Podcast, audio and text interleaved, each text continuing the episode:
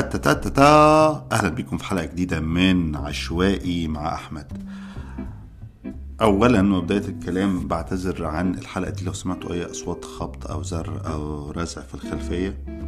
آه لا مش مش مش الحرب الأوكرانية يا ظريف. دخل يا ابني البقرة. أهلا بكم في حلقة جديدة من عشوائي مع أحمد.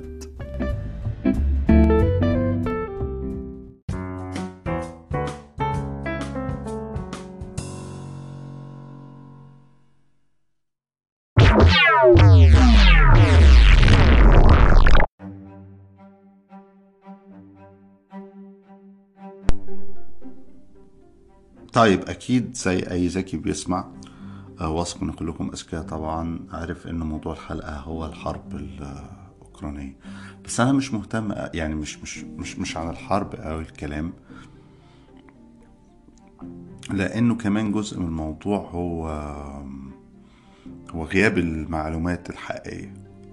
يعني انت تفتح تويتر تحس انه ال- ال- الأوكرانيين بينتصروا بس على أرض الواقع يعني الناس بتموت وبتتقصف وبتتذبح وجزء من الحرب ده هو شايفين ماكينات إعلامية ضخمة بتتصارع وبتطحن في بعضها و...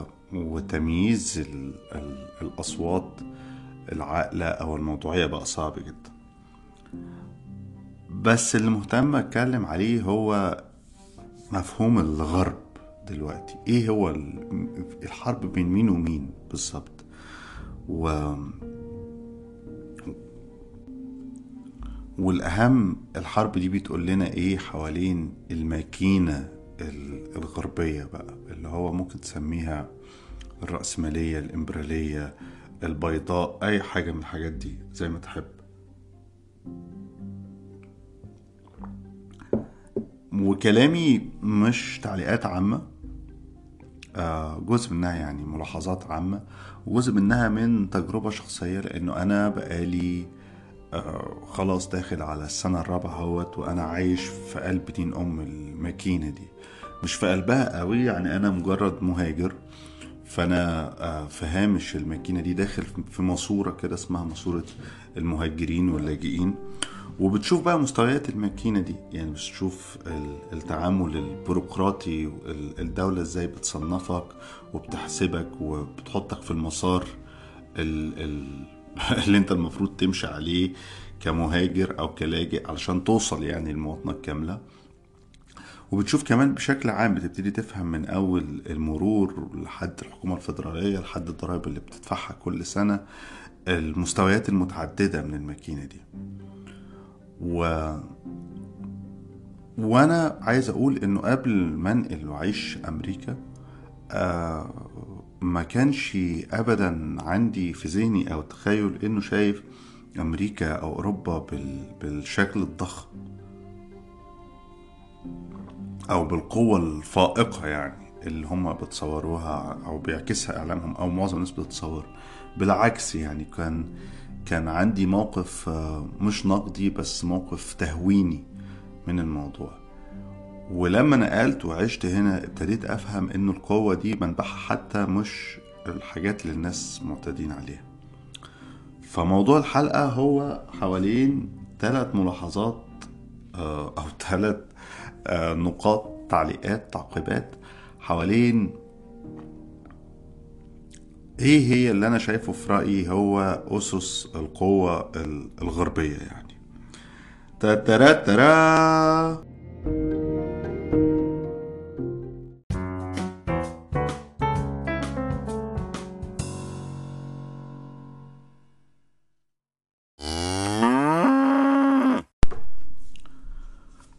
ف زي ما قلت ثلاث تعليقات. التعليق الأول. في رأيي إنه قوة أمريكا والأنظمة الغربية الحليفة اللي معاها أساسها أو بتتجلى يعني بشدة في ثلاث أشياء. مفيش حاجة منهم ليها علاقة بال- بالجيش أو العسكر والاعتداد العسكري والهوس اللي إحنا عندنا في مصر بتاع اللي هو انظر تصنيف الجيش المصري الخامس المخابرات المصرية أقوى جهاز مخابرات في العالم. طبعا مفيش كده لأنه الحقيقة انه السلاح النووي خلى التنافس العسكري في النهاية معادلة صفرية. يعني إحنا بنبص مثلا على الحالة بتاعت بايدن وروسيا دي قبل الحرب يعني كله كان بيقول لك إيه أوه ده هيخش بقى الدب الروسي هيخش. الناس نسيت إن بوتين كان حاطط على حدود أوكرانيا فوق ال 120 ألف 120 ألف جندي وضابط بعتادهم بمدافعهم برشاشاتهم بقنابلهم. تمام. فكان التوقع إنه هو هيخش الأوكرانيين دول هيجروا وهو هيخش المدن وينزل حكومة أراجوز يعني ويخلص الموضوع في ثلاثة أيام. لكن شفنا فجأة الدنيا كلها اتقلبت ده ما حصلش.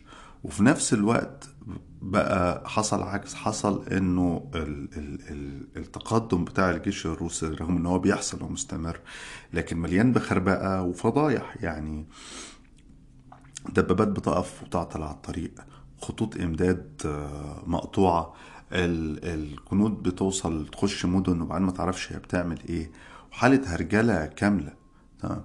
لكن في نفس الوقت ده مش سامح بإنه الناتو أو أي جيش تاني يخش. في منافسة معاه لأن هم عارفين إنه ده راجل مجنون وإيديولوجي ومعاه سلاح نووي.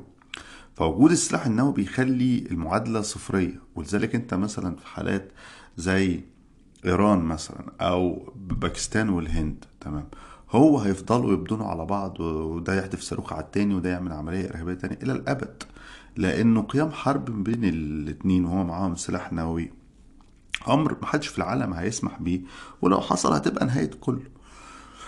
وبالتالي وجود السلاح النووي ده بيخلي زي ما بقول لكم كده بيخلي موضوع الجيوش ده معادلة صفرية بمعنى إن أنت مهما صرفت على الجيش وعتاده ودباباته وطياراته هتعمل إيه؟ يعني هي أمريكا مثلا بشوف بتصرف على جيش قد إيه؟ مفيش بلد تقدر تصرف على ميزانيتها العسكرية قد ما أمريكا ما بتصرف. تمام. لكن في نفس الوقت الجيش الأمريكي ده بكل جلالة قدره هو ليه الدول التانية زي كوريا الشمالية أو زي إيران بتسعى إنها تمتلك أسلحة نووية عشان تحمي نفسها من الجيش الأمريكي لأنه عارف أنا لو عندي سلاح نووي فالأمريكان مش هيقربوا لي ها عسكريا على الأقل. وبالتالي هنا بيقف القوة العسكرية الأمريكية عاجزة لكن القوة الأهم اللي هي مصدر قوة أمريكا. في رأيي إن أول حاجة ورقم واحد هي المؤسسة السياسية. وهنا مش بتكلم على أمريكا بس بتكلم على حتى مجموعة حلفائها يعني الغربيين القربيين وإن الدول دي عندها مؤسسة سياسية قادرة تحافظ على حد أدنى من السلم الاجتماعي وقادرة تحافظ على فعاليتها واستمراريتها أيا كانت التحديات وأيا كان المخاطر وأيا كان الكبوات أو الهزائم. بمعنى لو نفتكر من حوالي سنة وكام شهر في ست بالظبط في 6 يناير 2020 وقت إعلان رسميا الفائز في الانتخابات الأمريكية بين بايدن وترامب. ترامب عمل زي ما الناس كانت متوقعة هنا. يعني هنا الناس كانوا بيتكلموا في موضوع إن ترامب حتى لو خسر مش هيمشي ده إنه حاجة هتحصل هتحصل يعني. وترامب عمل متوقع ولم الناس بتوعه وجم وعملوا مظاهرات مسلحة في واشنطن دي سي. ودخلوا الكونجرس اقتحموا الكونجرس والسنت وعملوا البهدلة والخرا والقرف اللي عملوه ده اللي كلنا تابعناه. المشهد ده اللي إحنا شفناه يوم 6 يناير لو الناس تفتكروا والفيديوهات موجودة يعني. المشهد ده لو حصل في أي بلد تانية تمام معناه في لحظة معناه انهيار النظام السياسي كاملا. أنا عايز أفكركم بحاجة بس إن إحنا في الثورة في وقت الثورة المصرية المباركة دي إحنا فضلنا ثلاث ولا أربع سنين بنتظاهر كل يوم بهدف إنه نوصل عند باب مجلس الشعب. يعني أنا حضرت خلال ال 18 يوم يا جماعة خلال 18 يوم دي إحنا ما قربناش من مجلس الشعب والشورى دي غير في الآخر قبل ما هو يتنحى بثلاث أربع أيام. حلو. فأنت قعدت تل... وبعديها قعدت ثلاث سنين تتظاهر عشان توصل لمجلس الشعب أو مجلس الشورى. ما بيحصلش. ولما قربنا نوصل منها قاموا مولعين في المجمع العلمي وقام طالع الضابط فوق ال... تفتكروا الصورة الشهيرة بتاعت الضابط اللي في الجيش المصري وهو واقف فوق السطوح وبيطرطر على المتظاهرين. فتح السوسته وبيطرطر على المتظاهرين ها؟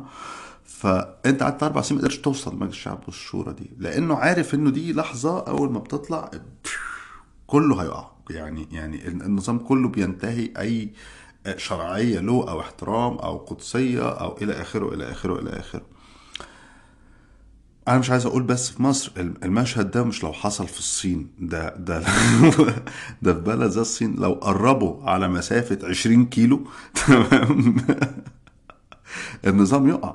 تمام؟ يعني أنت الصين أصلا أكبر موجة تغيرات حصلت فيها حصلت أيام مظاهرات الميدان السماوي. تمام. اللي هي كانت حاجة يعني لا ما هياش حتى واحد على ألف من المية من اللي حصل في 6 يناير هنا. ونفس الحدوتة في روسيا وإلى آخره. ده كله بيخلي إيه؟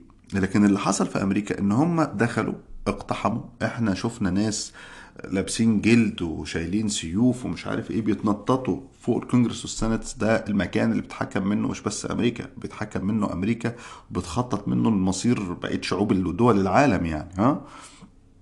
ولكن في نفس الوقت هم اقتحموا وحصل كل ده في نفس اليوم في نفس الميعاد اللي كان متحدد لعقد الجلسة الساعة ستة رجع النواب تاني وقعدوا وخدوا تصويت ومشت الإجراءات وتم الإعلان رسميا. أنا أعتقد طبعا إنه مفيش لحظة استعراض قوة آآ آآ أنا أعرفها أو شفتها يعني استعراض القوى الأمريكية قد اللحظة دي قد اليوم ده. إنه أنت عندك رئيس في السلطة بيقول لك أنا ما خسرتش الانتخابات ومش همشي ولم الناس بتوعه وقال لهم يلا خشوا وزيلوا البرلمان آه وخد بالك كل ده بيحصل والجيش ما ظهرش في الصورة. يعني حتى قبل ما يحصل ده كان في مرة راحوا سألوا بايدن هتعمل إيه لو ترامب خسر بس ما مشيش؟ فقال لهم في مؤسسات دستورية وفي مؤسسات في الدولة وقال مؤسسات دستورية وعسكرية. وقتها طلع حتى يعني رئيس الأركان بتاع الجيش قال أنا ملتزم بالدستور بس ومش عارف إيه وما ماليش ناش أي علاقة بالكلام ده. فكل اللي حصل ده النظام حصل فيه اقتحام للبرلمان. وبعدين طلعوا بره وبعدين كملوا حصل دون حتى تدخل من السلطة العسكرية. الحاجة التانية إنه الماكينة دي النظام السياسي ده عنده القدرة على التفاوض واليونة في التفاوض وفي التغيير مرعبة. مرعبة. يعني أي حاجة تمام؟ أي حاجة ممكن يعملها وممكن تتوقعها منه. من أول إنه يقذف بعد الحرب العالمية أيام الحرب العالمية الثانية يروح يضرب مدينتين بالنووي وبعدين يطلع يأسس الميثاق العالمي لحقوق الإنسان لحد إنه آآ آآ عادي جدا يبقى من ست سنين السود مش من حقهم ممكن يبقى مش من حقهم حتى الانتخاب في ولايات تمام؟ ومش من حقهم يخشوا الحمامات مع البيض وبعديها بخمسين سنة هيجيب واحد أسود يبقى رئيس. للبلد تمام؟ وإنه يخدم كل التغيرات مش بس الخارجية حتى الداخلية إن هو إيه ده أنا عندي عدد مهاجرين بيزيد ومش عارف إيه وماله دخلهم السنت والكونجرس. وقابل وقادر نظام كمان قادر على دمج أي حد يعني أنت مهما كنت متصور نفسك مختلف أو ثوري أو راديكالي تمام؟ هو هي هي هيدخلك في تفاوضية معاه. يعني هو قادر بشكل ما أو آخر إنه يقدرك تخش في تفاوض معاه. هو عايز الكل ضمن الإطار بتاعه وبيعمل ضمن المنظومة بتاعته. حتى لو أنت عايز تعمل تغيير آه دايما هيديك مساحة صغيرة كده إيه إنك تحس بانتصارات صغيرة بتغييرات صغيرة تمام؟ وفي نفس الوقت كل ده بيحصل في قدر معقول جدا من السلم الاجتماعي قادر يحققه. قوة النظام ده وفعاليته هي كمان جوهر ال ال الصراع لأنه على الطرف الآخر بوتين ومن على شاكلته بقى من أول خد من أول بوتين لحد إخواننا بتوع الخليج لحد الراجل بتاعنا بتاع مصر. هو بيقدم طرح تاني. الطرح ده بيقول لك إنه الديمقراطية الغربية الماكينة الغربية بتاعتكم ديت مش مناسبة لينا يا جماعة وما ينفعش تشتغل علينا. وإحنا دول ليها عادات وتقاليد وعندها أديان ومش عارف إيه والرئيس هو الرجل الأوحد وهو الرجل الكبير وهو الحاكم الواحد هو الحاكم العظيم اللي يشوف بالمستقبل ومش عارف إيه. وبالتالي كمان بيشوف بما ان أنا الحاكم العظيم فأنا شايف إنه الخطر مش بس على حكمي على دولتي هي الماكينة الغربية دي. لأنه الماكينة الغربية ديت آآ آآ هتفرض مبادئها وأفكارها ونمط إنتاجها آه، آه، عليا اجلا أو عاجلا. وإذا ما عملتش كده فهي بتستخدم الميديا وال وال والإعلام لنشر أفكارها وتصوراتها دي اللي هي تبتدي من أول حقوق المثليين وحقوق المرأة والجندر لحد الانتخابات وحرية الإعلام وكذا. فأنا مش عايز الكلام ده عندي خالص والكلام ده ضد مبادئي وتقاليدي وده غزو غربي.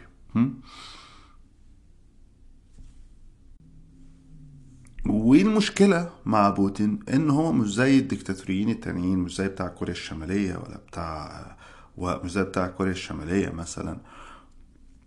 لكنه آه لكنه مهتم كمان لكنه خد الموضوع على صدره وشاف إنه لأ أنا عندي خطة وأنا في كتير في العالم بيتفقوا معايا وإحنا ممكن نتحد مع بعض ونخلق عالم متعدد ال- الأقطاب. طبعا ده كلام تهريج. تهريج لأن هو متصور إنه الموضوع بس صراع على النظام السياسي. لكن هو مش بس على كده. النقطة التانية اللي هي التعليق التاني يعني اللي هو خاص بقوة الغرب هو الاقتصاد والبنوك. هو ده المف... ال- ال- اللي مش فاهم بوتين ما كانش واعي له ولا كان ولا, بيستهبل ولا إيه. إنه في قلب ما بوتين والأمثال بتوعه بيقولوا لا لا إحنا ملناش علاقة بالديمقراطية بتاعتكم ملناش علاقة بحقوق الإنسان. ولا آخره من منيكه فارغه تمام. هم مش واخدين بالهم إن هم في قلب دين أم النظام الغربي ده. يعني هو النظام الغربي ده مش بس ديمقراطية حقوق إنسان وكذا هو بالأساس سوق يعني هو أصلا الديمقراطيه ومش عارف إيه. موجود عشان تحافظ على فعالية على استمرارية دورة الإنتاج وعلى فعالية السوق تمام؟ فأنت يا عم بوتين حتى الصين? كله في قلب في معد إحنا في كرش في المعدة بنسبح جميعا هذا الكوكب يسبح في بحر من الكوكاكولا. تمام؟ والمنتجات الرأسمالية الأخرى تمام؟ إحنا في قلب دين أم السوق إحنا الإمبراطورية أصلا بتاعت السوق بقت هي العالم بالنسبة لنا. إحنا أصبحنا غير قادرين على رؤية العالم خلف الإمبراطورية دي. وبالتالي أول ما بوتين ابتدى يخش في صراع مع النظام السياسي أنا مش عايز النظام السياسي الغربي ده تمام؟ النظام السياسي ده ابتدى يفصح عن جوهره الحقيقي جوهره الحقيقي هو الاقتصاد والبنوك والدولار. فتعالى لي بقى يا ابن الاحب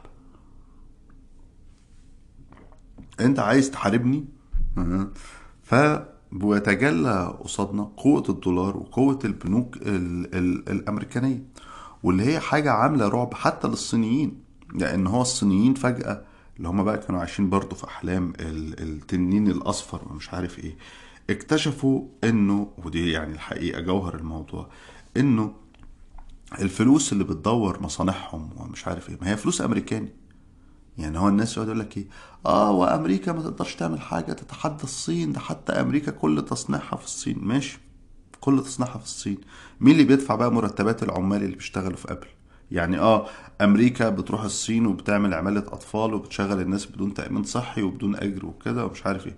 مين بقى بيدفع لهم الملاليم دي؟ مين بيدفع الرشاوي لقيادات في النظام الصيني وفي الحزب الشيوعي عشان يشتغلوا ويفتحوا المصانع دي؟ ما كل ديت فلوس الأمريكان. وكل دي فلوس أمريكا. كل دي ممكن تتجمد في لحظة واحدة. وهو يعني النخبة كمان الصينية ما هي زي النخبة الروسية ما كلهم حاطين فلوسهم واستثماراتهم وبيوتهم في بنوك بره؟ القدرة بتاعت الاقتصاد الأمريكي مش بس جاية في ال... في ال... في, إنه في البنوك أو إن أنا أعطل في نظام السويفت هو إنه أنا ممكن أوقفك أخليك ممنوع إنك تلمس الدولار. وده في رأيي كان من بدري قوي من بداية القرن 19 يعني. قليلين قوي في العالم الغربي والقليلين دول هم يعني بعد كده اللي بقى مهمين اللي كانوا واعيين لده وسابقين عصرهم بسنين بده. يعني مثلا السان سيمونيين في فرنسا واللي هي حركة مهمة جدا في بداية القرن 19 ممكن نبقى نعمل حلقة تانية عنها لو عايزين يبقوا ابعتولي السان سيمونيين دول كانوا بيتكلموا في أوائل القرن 19 حوالين إزاي إنه المستقبل العالم لازم يحكمه اتنين? رجال الصناعة ورجال البنوك. تمام. وإنه ده بسبب إنه رجال البنوك هم القادرين على آآ آآ آآ رجال البنوك هم القادرين على إضفاء آه، قيمة مادية على إطفاء قيمة مادية يعني قيمة مادية مبالغ فيها على أشياء لا تعبر عن هذه القيمة المادية. زي مثلا ببساطة شديدة وكان وقتها يعني دي كانت فكرة ثورية جدا زي إن أنا هقنعك بحاجة. شايف حتة الورقة دي؟ تمام؟ انت معاك مثلا كيلو ذهب. أنا هاخد منك كيلو الذهب ده وهقول لك كيلو الذهب ده يساوي 1000 جنيه أو 100 جنيه تمام؟ وهديك حتة الورقة دي. شايف حتة الورقة دي؟ الورقة دي بقى مكان الذهب تروح بقى وتجري وتلعب بيها. طبعا. طبعا بالنسبة لنا دلوقتي حاجة اللي هو إيه ده؟ ده حاجة منطقي جدا. هو إيه المشكلة في ده؟ لكن وقتها في القرن ال 19 في اخر ال 19 كانت حاجة ثورية جدا. إنه أنا باجي مش بس باجي كده بقول لك أنا مثلا مدير البنك المركزي أو مدير البنك الفلاني فأنا بديك ده زي صق أو شيك أو مستند أو سند أو أي خرع على عين أمك تمام؟ باخد من الذهب بتاعك ثروتك وبديك البتاع ديت وعشان عليها إمضتي فهي ليها قوة ال... ال... بقى ليها قوة اقتصادية تمام؟ وكان رأي السان سيمونيين إنه من خلال النظام ده نقدر نعيد خلق تصورات عند الناس مفاهيم تانية حوالين إيه. إيه الثروة وإيه اللي مش غير ثروة وإيه اللي يمتلكوه وإيه ال... ال... ال... اللي لا يمتلكوه وإنه بالتالي نقدر ننقل الناس لعصر تاني اللي هو كان بيعتبروه عصر الصناعة إن أنت محتاج هم كانوا عندهم فك... يعني كان عندهم مجموعة أفكار حقيقي حقيقي كانت تقدمية جدا في وقتها وكانت وكان بيعملوها من منطلق الخير دلوقتي. طبعا الكلام ده الواحد لما بيفكر فيه أو بيقوله بتشوفه شر مطلق يعني. بس هو كان شايف إنه في تحدي إنك عشان تقنع الناس تنقل المجتمع من المجتمع الزراعي للمجتمع الصناعي فلازم شوية شوية يشوفوا إنه الملكية دي عبء. تمام؟ فيبقى الشخص مش طموحه إنه أنا يبقى عندي أرض وأزرعها وأتوسع في الأراضي وأبقى راجل إقطاعي. لا إنك يبقى عندك حساب في البنك. تمام؟ اللي هو فعليا ما فيش ما بيساويش حاجة مادية يعني. ده إحنا إحنا بنخلق نظام افتراضي بس النظام ده من كتر ما هو قوي جدا ومن كتر ما إحنا بندعمه بيتحول هذا الافتراض اللي هو الواقع بتاع الناس. وإحنا عايشين في قلب ده. ف... فأمريكا لما بتيجي ولغايه دلوقتي لما يجي فجأة يفصح كده بس عن الاقتصاد وال... والبنوك وقدرته عليها وبنشوف إحنا بنشوف كل اللي شفناه حتى الآن يعني زي ما بيقولوا قمة جبل الجليد في فعليا اللي يقدروا يعملوه.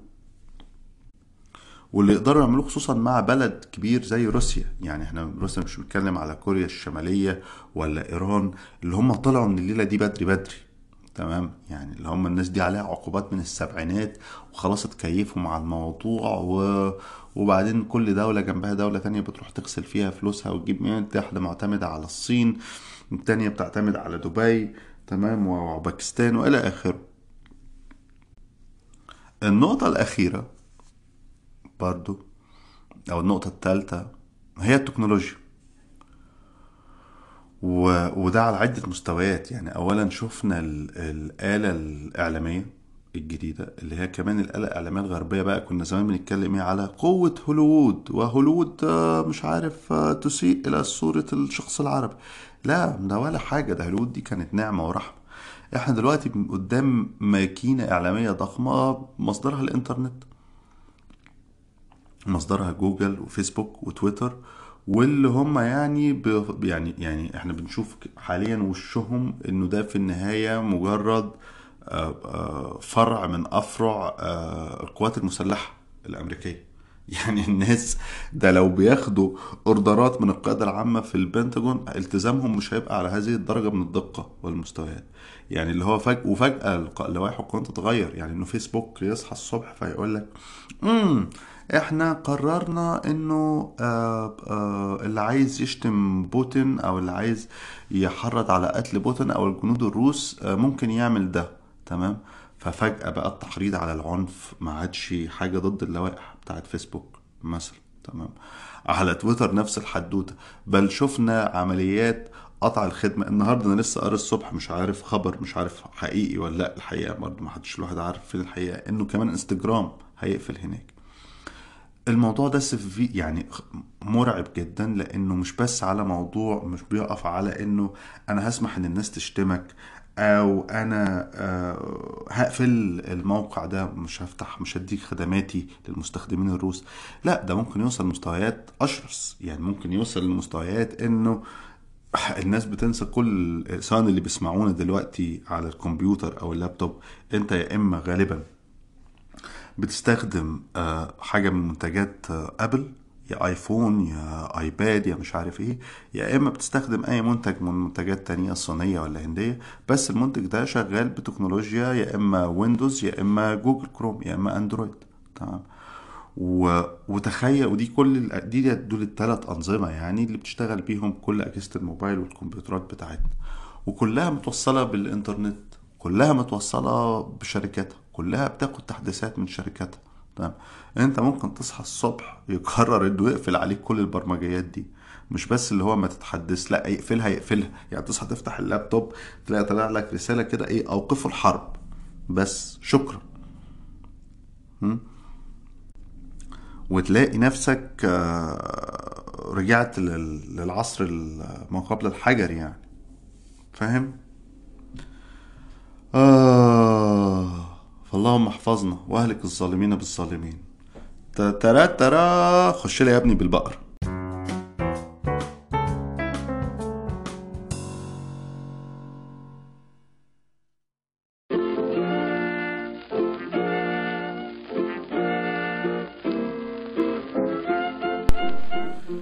قبل ما أقفل كمان عايز كالعادة كالمعتاد آه، أشكر كل الداعمين على باترون. أنت كمان لو عجبك المحتوى اللي بتسمعه آه، تقدر من خلال اشتراك شهري بسيط آه، تنضم للداعمين على باترون. على باترون في الحلقات الجديدة بتنزل قبل ما تنزل على بقية المنصات. وفي آه، شوية فيتشر وبونبوني وحلويات كده برضو مخصوص هناك. وكمان انه من خلال الدعم والحب اللي بيجي ده يعني الواحد بيتشجع إنه يقدر يكمل ويستمر ويلعب ويتغير. ويتطور وإلى آخره إلى آخره إلى آخره. آه، بشكل خاص عايز أشكر الدا- الداعمين والمشتركين في البودكاست على أنكور وباترون. كالعادة أولا وأخيرا ميري فؤاد بين كروبر بالتونسي آه، عنكبوت آه، فاطمة أمير علي أحمد وزادنا بقينا في أربعة مجهولين. دول مؤخرا. شكرا تاني وحلقة جديدة من بودكاست عشوائي. بالمناسبة إذا حد مش ملاحظ إحنا في الموسم الخامس.